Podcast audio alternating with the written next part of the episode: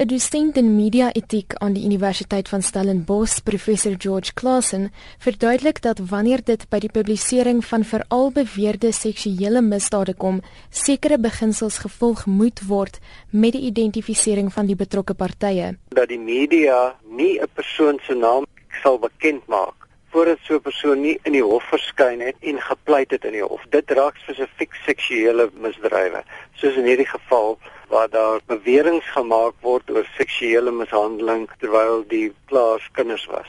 Klasen sê in die geval van huisgenoot is daar sprake van laster teen Dr. Osroweg. Hy sê daar is verskeie grade van laster en verskeie maniere om te bepaal wanneer beweringe wel lasterlik is. Indien beweringe lasterlik is, sal die publikasie waarin die beweringe voorkom aanspreeklik gehou word. Hy sê dis belangrik om die kwessie van openbare belang in gedagte te hou. Die toets sal wees is dit in openbare belang dat ons hierdie goed weet. Is dit openbare belang dat kinders in die toekoms beskerm sou word teen die persoon teen wie die klagtes ingebring sou word? Dan was dit in openbare belang om dit bekend te maak. So wat dan gemaak in gevalle is die waar beweringe van meer as 50 jaar terug gemaak word deur bronne wat anoniem is. My eerste vraag en ek wil dit baie sterk verklemtoon is hoe kan jy enige iets publiseer as mense nie bereid is om hulle name bekend te maak. Die mense wat die klaas is, hoekom is hulle nie bereid om hulle name bekend te maak nie? Wat is die rede daarvoor? Onmiddellik plaas dit hulle klagte onder verdenking. As jy so sterk voel dat jy so saak aan die groot klok wil ophang en ek voel indien dit waar sou wees, is daar voldoende redes.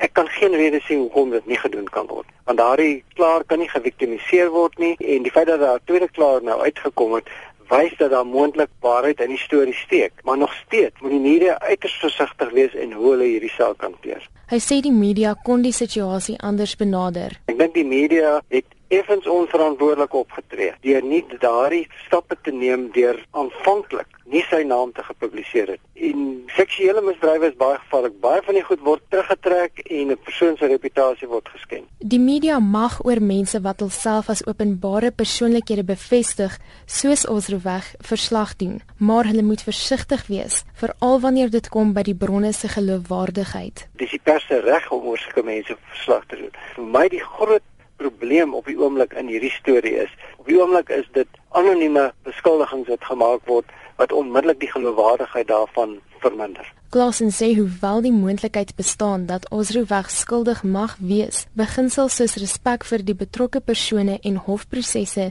nie uit die oog verloor mag word nie. 'n persoon is onskuldig totdat hy skuldig bewys word en die hofprosesse en die respek vir persoon se waardigheid en sy reg op privaatheid en sy reg om homself te verdedig moet nog steeds in ag geneem word. Wie allerlei ander vorm van media kan ons nie daai beginsels uit die oog uit verloor nie. Dit was 'n dosent van media etiek, professor George Claassen en ek is Marlene Forsie in Johannesburg.